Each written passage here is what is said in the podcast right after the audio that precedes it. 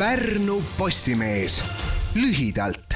võtame kokku selle nädala uudised Pärnus Rüütli tänava maakohtu hoone ees avaldas kolmapäeval meelt Vana-Vigalas elav seitsmekümne ühe aastane mees, kes pole rahul kohtu tööga.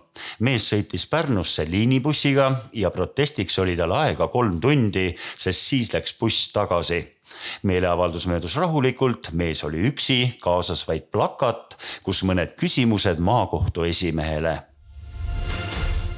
loodusesse minnes võib sattuda tunnistajaks sellistele juhtumitele, mida ei oskaks uneski näha. nii juhtus kohaliku looduspiltnikuga, kes loodusvaatluse lõpus juhtus nägema ilvest, kes oli kinni püüdnud kassi ja hoidis teda oma käpa all. Imekombel rebis kass end ilvese küüsist lahti ja pääses eluga. Eile põles Paikuse külje all asuv Põlendmaa prügila, kus tuli levis kiiresti ja kustutustööd vältasid pea viis tundi. Jäätmejaama juhataja oletas, et kahjutule võis põhjustada klaasikildude tekitatud luubiefekt, mõni patarei või aku.